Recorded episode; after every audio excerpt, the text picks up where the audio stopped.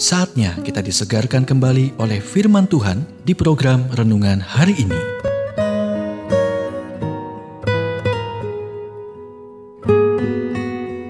Renungan hari ini berjudul Tetap dengan Rencana Tuhan bagian pertama.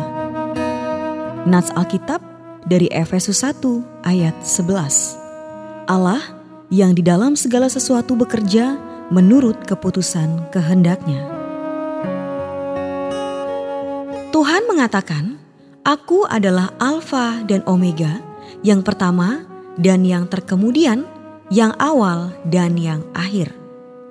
Tuhan menentukan hasil akhir yang Dia inginkan, kemudian mulai dari awal dan bekerja ke arah itu. Dia selalu melakukan apa yang Dia rencanakan. Yusuf menemukan, bahkan ketika keluarga Anda menentang Anda, rencana Allah masih berlaku. Melihat ke belakang, dia berkata, "Memang kamu telah mereka rekakan yang jahat, tetapi Allah telah mereka rekakan untuk kebaikan." Tapi jangan menyamakan baik dengan nyaman.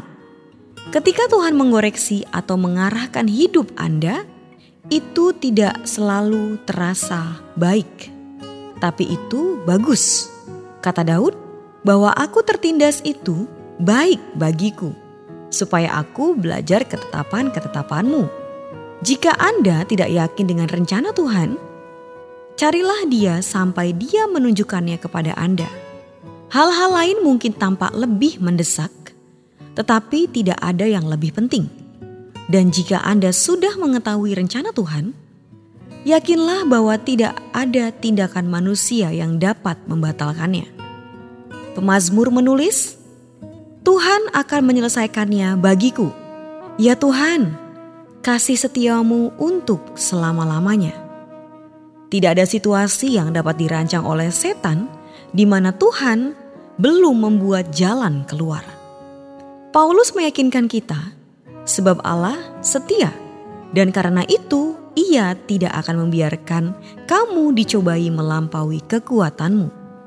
Pada waktu kamu dicobai, ia akan memberikan kepadamu jalan keluar, sehingga kamu dapat menanggungnya.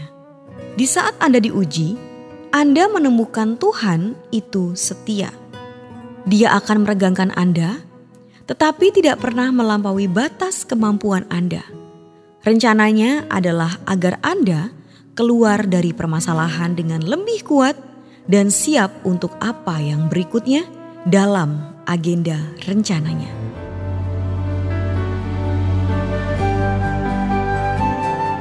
Kita telah mendengarkan renungan hari ini. Kiranya renungan hari ini terus mengarahkan kita mendekat kepada Sang Juru Selamat, serta menjadikan kita bertumbuh dan berakar di dalam Kristus. Renungan hari ini tersedia dalam bentuk buku maupun digital dan bisa Anda miliki dengan menghubungi Japri di WhatsApp 0812 8784 7210 atau email ke infoapripusat@gmail.com. Tuhan memberkati.